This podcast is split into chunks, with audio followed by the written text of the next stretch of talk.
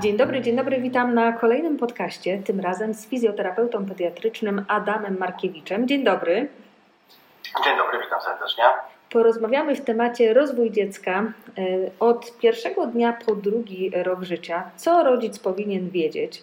E, a rozmawiam z tatą Wcześniaka. Na co dzień pracujesz w klinice neurologii dziecięcej w Instytucie Centrum Zdrowia Matki Polki w Łodzi e, oraz w zakładzie propedautyki i pediatrii Uniwersytetu Medycznego.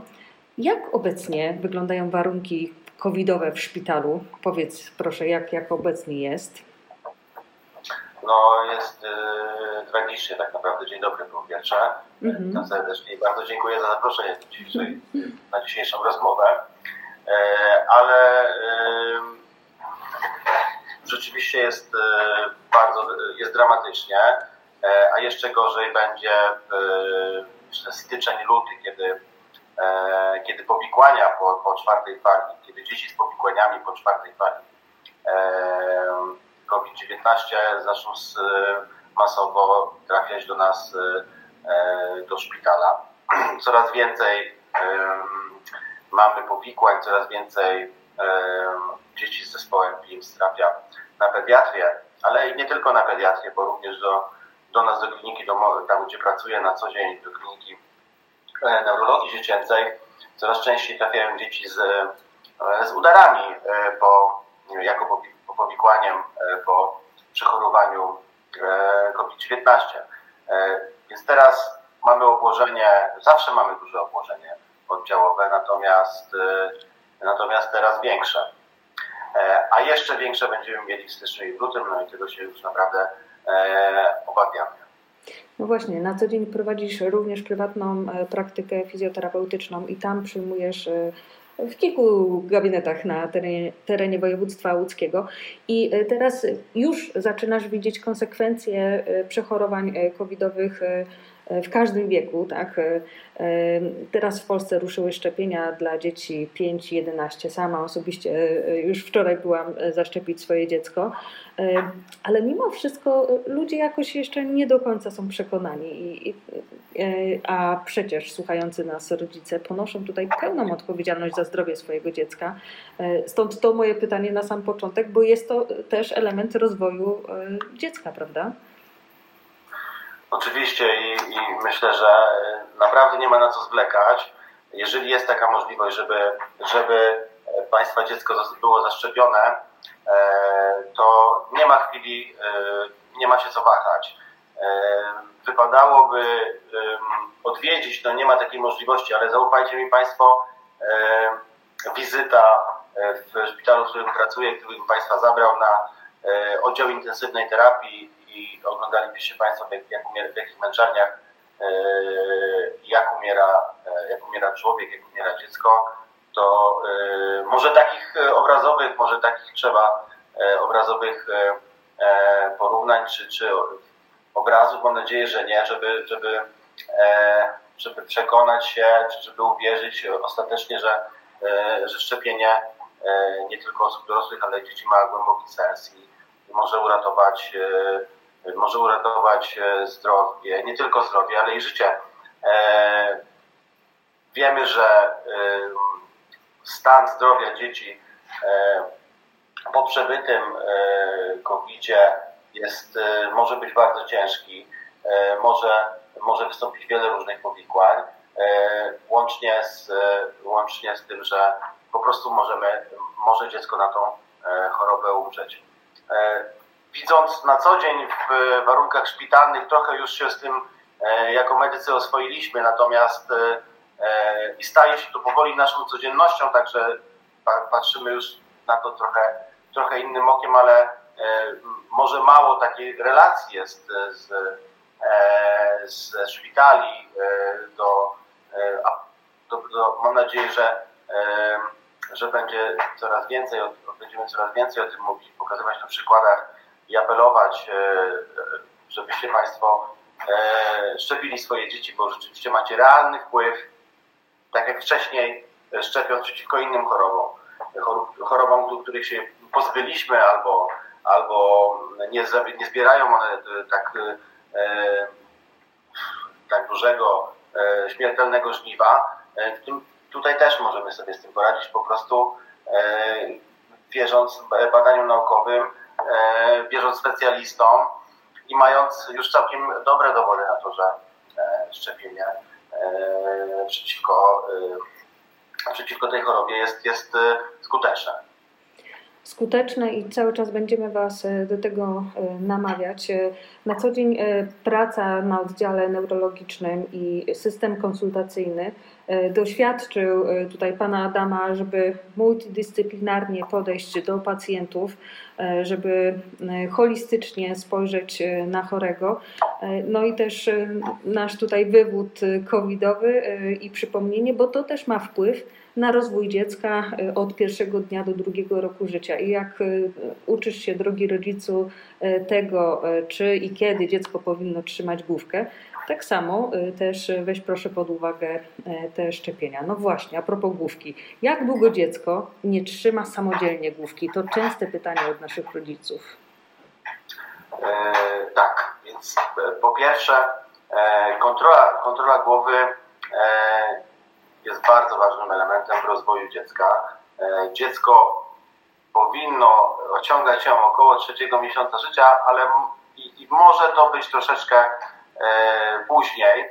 E, jest to pierwszy kamień milowy. Pierwsza rzecz taka, którą w badaniu neurologicznym oceniamy u dziecka, jest ona również dla nas, jest, jest dla nas diagnostyczna. To znaczy, że e, pozwala wnioskować o tym, jak przebiega rozwój.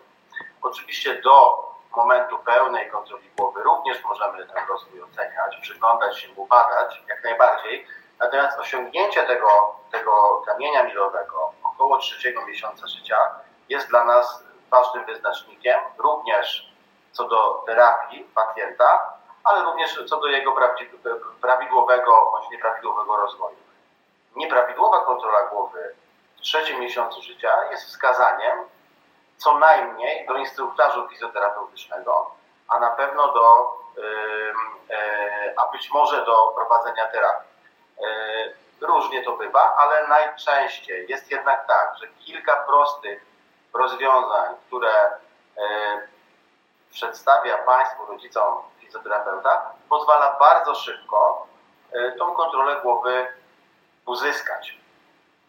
Natomiast, natomiast przeoczenie tego momentu nie jest korzystnym e, dla dziecka e, i im dalej w las, tym więcej komplikacji może się z tym wiązać. Oczywiście to nie jest tak, że będzie to powodowało jakiś trwały uszczerbek na zdrowiu, natomiast jeżeli chodzi o, o taką delikatną tkankę rozwoju, o której, e, o którym rozmawiamy, to owszem, może to spowodować różne, różnego rodzaju trudności rozwojowe, na przykład wadę postawy. Ale, ale przede wszystkim, bo trzeba byłoby zacząć od tego, że poprzez ocenienie prawidłowej bądź nieprawidłowej kontroli, kontroli głowy możemy wnioskować o pewnych chorobach.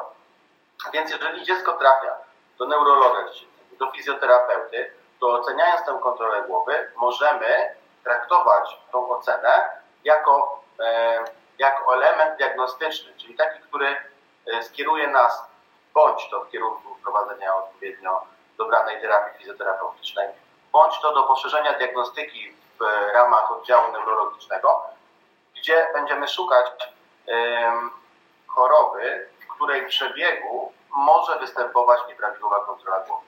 Dlatego rodzice e, warto około w tym okresie e, przyjrzeć się wnikliwie dziecku i udać się do specjalisty, jeżeli macie Państwo wątpliwości co do, co do tego aspektu e, motorycznego e, kontroli głowy. Czyli samodzielne trzymanie główki około trzeciej miesiąca życia. Mówimy bardzo około, bo nie jest to tak równo e, z. A kiedy dziecko zaczyna trzymać przedmioty? Dziecko zaczyna trzymać przedmioty bardzo wcześnie. Kwestia tylko, czy robi to świadomie, czy nieświadomie. Hmm. Najpierw do, mniej więcej do trzeciego, czwartego miesiąca życia różnie. Może występować odruch chwytny. Także drodzy rodzice, jeżeli wkładacie coś do wnętrza dłoni, dziecko będzie w pierwszym w pierwszym trymestrze zaciskać dłonie, zaciskać dłonie automatycznie. I to jest odruch chwytny, to, to nie jest chwyt. I Mamy to, to znają, bo pełno włosów dzieci nam wyrywają, także na samym początku to jest takie nieświadome. E, a kiedy jest takie świadome? Kiedy zaczyna trzymać przedmioty świadomie?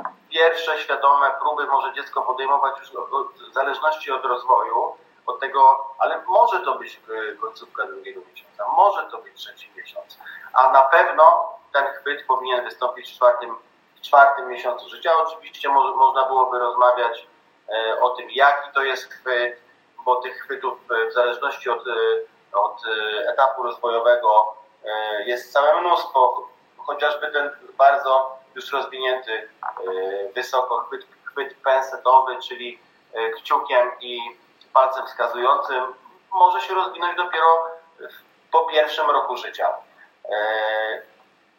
Chwyt też jest dla nas specjalistów diagnostyczny, to znaczy po jego jakości, po tym jak on wygląda, z jakiej postawy jest wyprowadzony, w jakiej pozycji możemy wnioskować o rozwoju i jest nam to bardzo pomocne. E, mówi o między innymi chwyt w dwie ręce, mówi nam o tym, jak współdziałają e, ze sobą półkule mózgowe, jak funkcjonuje ciało modelowate. Ciało modelowate to taka struktura, która w mózgu, która łączy, łączy dwie półkule. E, I mniej więcej około trzeciego miesiąca ten chwyt oburącz jest, czy jest możliwy, świadczy to, że ok, ciało modelowane dobrze się rozwija, nasze dziecko dobrze e, rozwija się e, w tym trzecim, w tym trzecim miesiącu. Także chwyt również jest ważny dla nas diagnostycznie. Oczywiście cieszy rodzica, mhm. jeżeli te, te, pierwsze próby są e, czy złapania za nos, czy za ucho, czy za włosy, tak jak wspomniałaś. Mhm. Natomiast są rodzaje chwytów, które są nieprawidłowe. I wtedy też należałoby im się przyjrzeć pod kątem e, zaburzeń napięcia mięśniowego.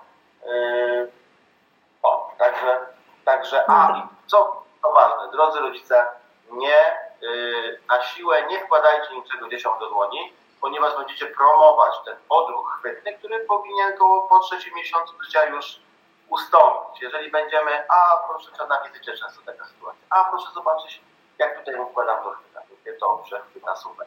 Ale to jest odwrót. On jeszcze sobie z tego nie zdaje sprawy. Jeżeli będziemy to promować, to tak jak wszystko w rozwoju dziecka, jeżeli damy mu e, stymulację, zareaguje w jakiś sposób. Tutaj może zareagować dziecko przetrwaniem e, tego odruchu chwytnego z kończyny górnej, co na przykład może e, utrudniać przyjmowanie pozycji na brzuchu. No właśnie, to jest skomplikowane. E, mówimy tylko o paluszkach, o dłoniach, a, a ma to wpływ na całe ciało. Dlatego mm, jeszcze a propos rozwoju, chciałabym się dowiedzieć, jak w ogóle dobierać dziecku zabawki. E, czy, nie wiem, wybierać grzechotki, czy tylko pluszaki? Czy to też ma wpływ na to, e, jak się dziecko rozwija? Wszystko ma wpływ i dobór tych zabawek rzeczywiście, jeżeli większą zabawkę jest łatwiej złapać oburącz. Dobrze jest, kiedy, kiedy te przedmioty w pierwszych trzech miesiącach są kontrastowe, czarno-białe, o wyraźnej e, takiej fakturze. Nie, nie za, takie e, umożliwiające chwyt, e, ale przestrzegam przed zbyt małymi przedmiotami, no bo te przedmioty może dziecko połknąć, zjeść, zakrztusić się. Także e, atestowane zabawki dedykowane e, dedykowane danemu wiekowi dziecka e, to są rzeczy, które będą nam, które będą nam pomagać nie tylko w promowaniu chwytu, ale również ale również będą pomagały wodzić dziecku za przedmiotem, E, także jak najbardziej tak. Pierwsze trzy miesiące kontrastowe, czarno-białe, czarno-białe zabawki, e, za którymi dziecko może e, sprawnie wodzić głową w pełnym zakresie, będą pomagały i promowały, promowały prawidłowy rozwój kontroli głowy, o której, o której, o którą wcześniej pytałaś. Świetnie, będą wspierały ten rozwój. E, słyszymy telefon, e, jest też akurat w gabinecie e, i dlatego przechodzę już do następnego pytania. Kiedy dziecko powinno zacząć samodzielnie siadać? My wyczekujemy tego momentu, czasem obkładamy dziecko poduszkami i powiedz nam proszę, czy to dobrze, czy, czy źle robimy? E, oczywiście źle, to znaczy nie wolno mhm. wyprzedzać naturalnego rozwoju codziennie w gabinecie przychodzą e, rodzice, którzy o to pytają, więc, więc e, tak jak powiedziałaś, e, jest to, jest to pytanie, które wymaga tak, krótkiego wyjaśnienia. Na wszystko przychodzi czas w rozwoju dziecka i nie staramy się również tego siadu zbyt szybko dziecku proponować. Chodzi o kręgosłup, chodzi o to, że on nie jest jeszcze gotowy że, do pozycji siedzącej. Kiedy będzie gotowy? Będzie gotowy wtedy, kiedy dziecko usiądzie samo. Ale drodzy Państwo, to nie jest tak, że zostawiam Was bez zupełnej tutaj, e, no to kiedy, jak mamy na to czekać, jak możemy to wspierać? Owszem, są y, sytuacje, które y, mówią nam o tym, że to będzie niebawem. Kiedy dziecko zaczyna pełzać, kiedy wchodzi do czworaków, to wtedy wiemy, że to już jest niebawem. Y, Oczywiście dzieci siadają w różny sposób, w zależności od tego, jakie prezentują napięcie mięśniowe. Jestem w stanie y, w czwartym, piątym miesiącu życia tak z taką 95% pewnością powiedzieć, jak dziecko będzie siadało. Jeżeli ta wizyta jest y, w tym czasie, mówię, że na przykład ok, wasza pociecha będzie siadała najpierw przechodząc do czworaków, a potem usiądzie na bok, otworzy biodro i to zrobi. Także E, jesteśmy w stanie to przewidzieć. Dzieci o troszkę niższym napięciu mięśniowym mogą realizować to w kilka innych sposobów. Ale to, co jedno y, y, najważniejsze, nie należy dziecka posadzić przed tym, y, kiedy, kiedy ono samo tą pozycję osiągnie. Wiemy, co może poprzedzać siadanie, a to, czego ma wyjątek, właśnie tak, jest wyjątek od, od reguły, to znaczy często jeszcze dziecko samodzielnie nie siedzi, ale jest coś równie ważnego, czyli to karmienie, kiedy rozszerzanie diety. I wtedy rzeczywiście troszeczkę próbujemy przyjmować wyższych pozycji, bliskich siadowi, ale, ale nie do końca, z pewną asekuracją, żeby realizować kolejną, czyli to nie, jest, nie jestem takim y, fizjopurystą, że nie i koniec, tylko rzeczywiście pewne, na pewnym etapie rozwoju kiedy e, potrzeba e, rozszerzyć dietę taka, mhm. trzeba, trzeba rozszerzyć dietę, a jest to wiadomo, super ważne. Wtedy trochę pokazuje rodzicom, w jaki sposób tą pozycję pośrednią, siedzącą zrobić i e, w znaczący sposób nie wpłynąć negatywnie na rozwój dziecka.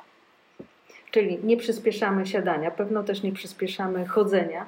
E, a co powinno nas zaniepokoić w rozwoju dziecka? Kiedy zgłaszamy się do specjalisty, patrząc na te kroki rozwojowe dziecka?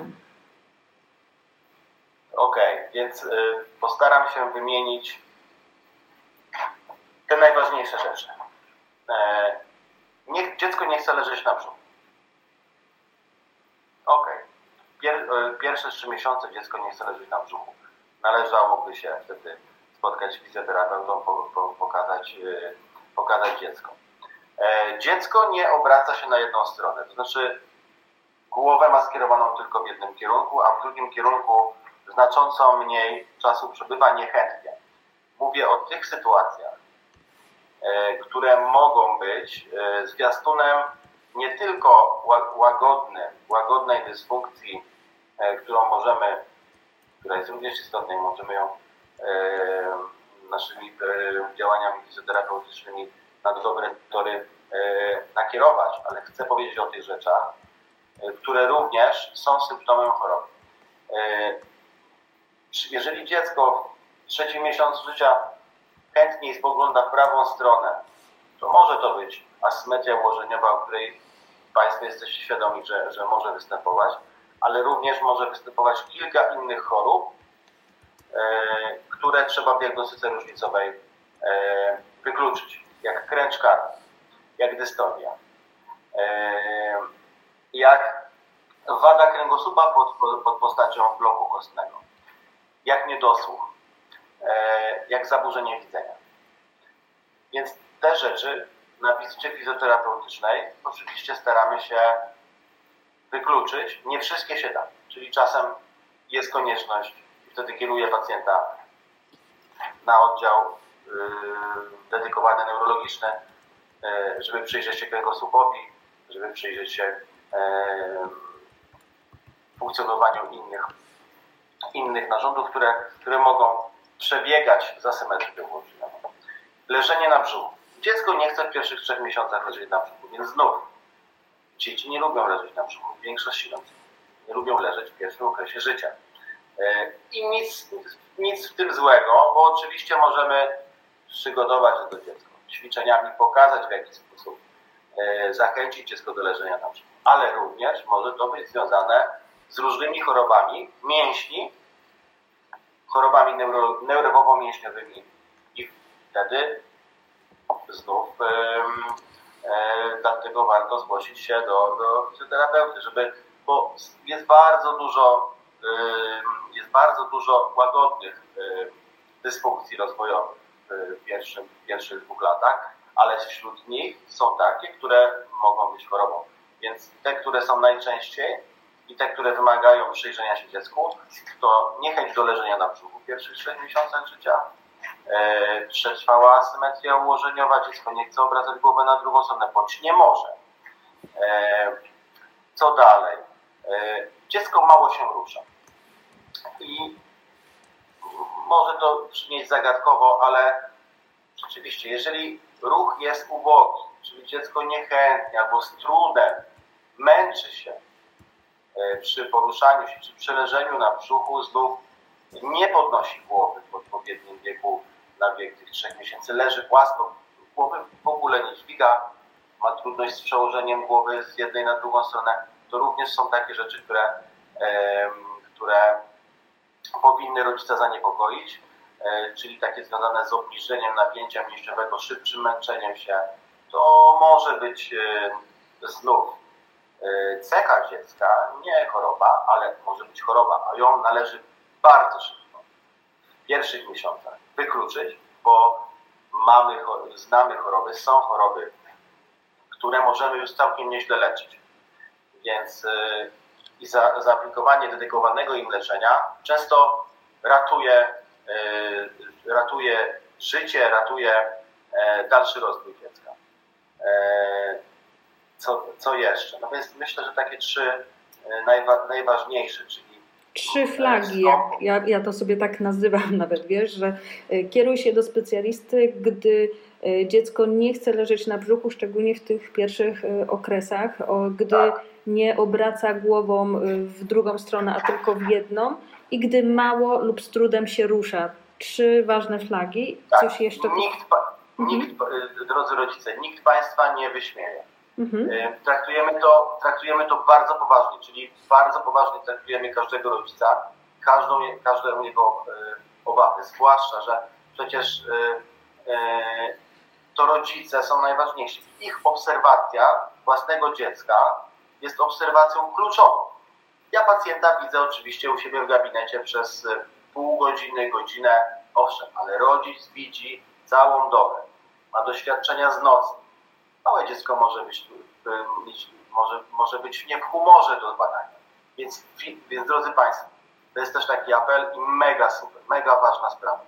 Jeżeli są jakieś incydenty w rozwoju dziecka, które Państwa e, niepokoją, trzeba to nagrywać na wideo. Mhm. To jest później złoty materiał do analizy pod kątem zaburzeń neurologicznych, neurorozwoju, wszystkich rzeczy związanych z rozwojem. E, takim psycho, psycho e, aspekcie również. Nagrywajcie Państwo to. Materiał wideo, jest, materiał, materiał wideo jest bardzo ważny. Czy to jakieś zaburzenia nocne, czy ruchowe. Jest, są tysiące zaburzeń ruchowych i niektóre są prezentowane przez, przez dziecko rzadko, yy, a niebezpieczne. Taki materiał jest idealny. Państwa obserwacja, obserwacja rodziców jest, jest najważniejsza uzupełniona naszym badaniem plus doświadczeniem, może bardzo szybko problem wyłapać i skierować bądź do, do leczenia, bądź do postępowania fizjoterapeutycznego. Więc ze wszystkim sobie, ze wszystkim sobie poradzimy, a Państwa obserwacja jest najważniejsza. Właśnie, dobrze, że to mówisz, że y, rodzic nie powinien być wyśmiany, tak, że ojejkuś jesteś przewrażliwiony, chociaż no, rodzice nam piszą, że właśnie różne są reakcje, także dziękuję nie, za Twoją y, naprawdę. tutaj dobrą... Nigdy, to jest, mhm. Y, słuchajcie, no jest tak wiele różnych chorób, tak. nigdy, jest to, nigdy nie, nie, nie, nie wyśmiewamy się, nawet w naszym wewnętrznym gronie, które ma specyficzne poczucie humoru, nie. Rodzic, który jest to nie, nie, nie przewrażliwiony, tak, uważny rodzic, czujny. Mhm. E, to jest e, na każdym etapie życia to jest bardzo ważna rzecz. To na koniec, y, jak nie pomagać dziecku w nauce chodzenia? Bo wiesz, nas kusi, żeby trzymać dziecko za ręce, y, żeby e, pomagać w tych samodzielnych próbach. Co my mamy robić, żeby wspierać dziecko w chodzeniu, a nie przeszkadzać? wspierać. Pięć rzeczy. Pierwsza rzecz, nie wykorzystujmy chodzików, pchaczy. Nasze dziecko nie jest osobą, nie jest osobą w wieku podeszłym, która wymaga takiego, takiego zaopatrzenia.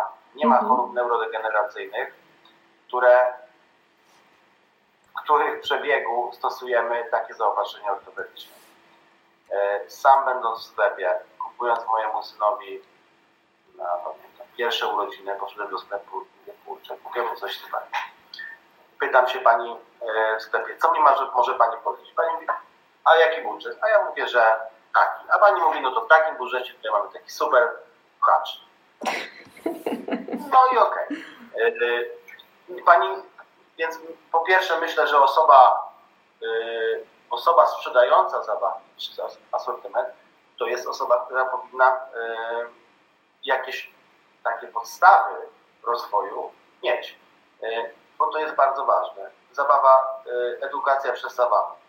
E, I ciągle, no, marketing, ciągle te pchacze pokutują. Staram się zrobić inaczej. Czyli jeżeli już taki pchacz w domu jest, staram się go zmienić jego zastosowanie i trochę inaczej, no bo jest czasem tak, że babcia poreferowała, no i się patrzy. Więc nie chcemy nikogo obrażać, czy -hmm. mówić, że zrobił źle. Raczej powiedzieć, że zrobimy inaczej, a wykorzystamy sobie tego pchacza w inny sposób. E, można z niego zrobić jakiś taki czy co tam wyobraźnia poodpowiada, ale, ale nie do pchania. Jeżeli pchamy, góra, obręcz barkowa napina się nadmiernie, brzuch zostaje puszczony. W efekcie spowolnimy osiągnięcie tych samodzielnych kroków, trochę zrobimy zamieszania E, w chodzie. E, to raz. Drugie, starajmy się nie prowadzać dzieci za ręce w pierwszym okresie. To samo, co, to samo, co pchaczem. Mało tego, możecie Państwo nie wierzyć, ale trafiają do mnie do kliniki pacjenci do diagnostyki, do, mhm. do rezonansu e, magnetycznego głowy, do szerokiego spektrum, pobrania szerokiego spektrum badań, bo zaburzenia chodu. I teraz dziecko chodzi samodzielnie, ale jedną nogą obwodzi, czyli wygląda to trochę tak, jakby miało niedobór. I wszystko wychodzi dobrze. To jest to było dziecko w wczesnym etapie rozwojowym, które obwodzi tą jedną nogą i była to noga prawa, bo było prowadzone tylko za lewą rękę, bo rodzic był praworęczny. Takie, takie przychodzą. Takie rzeczy są. To tak jak nosimy dziecko na prawej i na lewej stronie, e, tak samo już w przyszłości tak też chodzimy raz za prawą, raz za, e, po prawej, raz po lewej tak. stronie. Czyli chodziki nie, pchacze nie, za ręce e, nie. też nie. Możemy za biodra, możemy mhm. próbować za biodra, za miednicę. Yy, oczywiście, jeżeli, jeżeli, jest, jeżeli jest taka potrzeba, owszem, yy, oczywiście dzieci z różnymi problemami neurologicznymi, uczymy chodzić, robimy różne techniki. Też za rękę, inaczej, z różnym zaopatrzeniem. Ale jeżeli mamy dziecko zdrowe, prawidłowo się rozwijające, to poczekajmy trochę. Chłód na pewno wystąpi, a pospieszanie jego, bo asekuracja za rękę jest pewnym pospieszaniem. No niekoniecznie da nam taki prorozwojowy impact. Więc raczej nie za rękę, jeżeli już to za biodra. Oczywiście, drodzy Państwo, dzieci Wasze zaczynają chodzić. Obawiamy się bardzo, czy się nie wywróci, czy nie złamie nogi, czy nie uderzy się głową. To wszystko jest wpisane w, w bycie rodzicem i w wzrostu. Oczywiście staramy się w jak najbardziej bezpieczne warunki tego chodu e, zapewnić. Nie zawsze e, jesteśmy w stanie wszystko przewidzieć. E, natomiast tej umiejętność również powrócenia, czyli wyjścia z chodu, przejścia do siadu, realizowana przez dziecko na różny sposób również jest ważna. Jeżeli będziemy prowadzać, później sprawiać, że dziecko siada, trzymając się naszą rękę, zaufajcie mi Państwo, istnieje większe ryzyko niekontrolowanego upadku, aniżeli dziecko, aniżeli jeżeli dziecko zrobi to trochę po swojemu. Mhm. I też w ten sposób y, y, bardziej tutaj zacznie y, czuć swoje ciało, tak? bo, bo, bo to też ciało, jest tak. ważne. A jak dobierać do tych pierwszych kroczków obuwie? Czy, czy jest ważne w ogóle obuwie? Jest ważne. Teraz pierwsza rzecz. Są badania, w których sprawdzono w jaki sposób bucik wpływa na chód, pierwsze kroki chód człowieka. E, I jeżeli to jest but e, z cienką podeszwą, z pracującym przodostopiem i z odpowiednio dobranym zapiętiem, nie but wysoki, to okazuje się, że miękki, skórzany but nie wpływa na chód naszego dziecka. Czyli, a czasem chcemy, no musimy te buty wybrać do chodzenia, oczywiście boso również, e, żeby doświadczać bosą stopą podłoża. Natomiast jeżeli to jest twarde podłoże, to ten but, jeżeli będzie miał cienką podeszwę, badania naukowe, takie trzy badania ostatnio e, czytałem, chyba skandynawskie, mhm. mówiące o tym, że na dużych grupach pacjentów, mówiących o tym, że, mówiące o tym, że tak naprawdę nie ma to wpływu negatywnego na rozwój chodu u dziecka. Ten budzi, ale oczywiście z tymi zastrzeżeniami, czy z tymi założeniami konstrukcyjnymi, o których wspomniałem. Pracujące przodostopie, czyli paluszki zginają się w jednej trzeciej e, buta, zapiętek, miękka, cienka podeszwa. Mhm. Miękki skórzany but, y, paluszki ruszają się, zapiętek, czyli z tyłu y, takie podwyższenie, utwardzenie jakby, tak? tylko napięte utwardzenie, mhm. nie chodzi nam o obgięcie kostki. Okay. E, nawet w pewnych zaburzeniach napięcia mięśniowego e, nie chcemy usztywnienia kostki. Paradoksalnie wiemy, że e, bardziej osłabi nam to aparat mięsowy stawu skokowego, aniżeli go wzmocni. Czasem oczywiście, jeżeli mamy problem, jeżeli mamy wszystko indywidualnie do dziecka, jeżeli mamy dziecko, czasem będę chciał wysokiego buta, czasem będę chciał niskiego buta. Zdrowego, dobrze rozwijającego się dziecka za, zajęcie czy objęcie butem stawu skokowego nie jest konieczne. Oczywiście jest tak w zimie. Kiedy? W zimie, kiedy ten but jest wyższy, ale no, buty zimowe nie są idealne. Przede wszystkim znów musimy pomyśleć, czego my tak naprawdę chcemy, y, a wiemy, że jeżeli dziecko idzie, a jest plus 10 na dworze, to chcemy, żeby przede wszystkim było mu ciepło.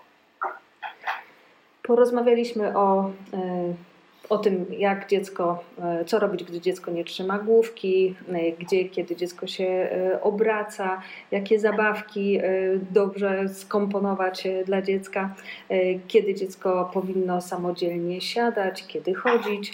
Czy jest coś jeszcze wartego uwagi dla rodziców? Ja wiem, że wiesz, czas y, Twojej nauki, edukacji, y, studiów, praktyki to trudno zmieścić y, w ciągu 30 minut wystąpienia, ale czy jest coś jeszcze na koniec wartego zaakcentowania w tym rozwoju dziecka, co jeszcze warto powiedzieć rodzicom? E, ja myślę, że poruszyliśmy sporo sporo aspektów funkcjonowania dziecka. Myślę, że nie należy się, że nie należy się bać. Mhm. Myślę, że strach, myślę, że strach jest złym doradcą e, i myślę, że każda wątpliwość, e, która też super inicjatywa e, tych podcastów, które, które które robicie, bo myślę, że sporo tych wątpliwości można chociażby trochę rozwiać. Oczywiście nie zastąpi to indywidualnego badania pacjenta, tak, wizyty.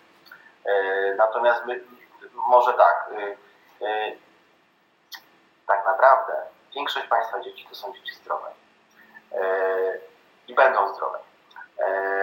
Natomiast jeżeli istnieje jakikolwiek, e, jakakolwiek wątpliwość, jakikolwiek lęk, to należy się z tym lękiem zmierzyć i udać się do specjalisty i pokazać się nie, dziecku. Nikt nie będzie, ka każdy się cieszy, kiedy naprawdę, ja się bardzo cieszę. Jak przychodzi do mnie mama i ja jest, mogę powiedzieć, że słuchajcie, nie, jest zdrowo, jest mhm. wszystko w porządku. To jest, to jest najlepsza wizyta. E, to jest najlepsza wizyta i yy, wszyscy tylko się cieszymy. E, ale naprawdę Państwa obawy y, muszą być, muszą być rozwiane i jeżeli, jeżeli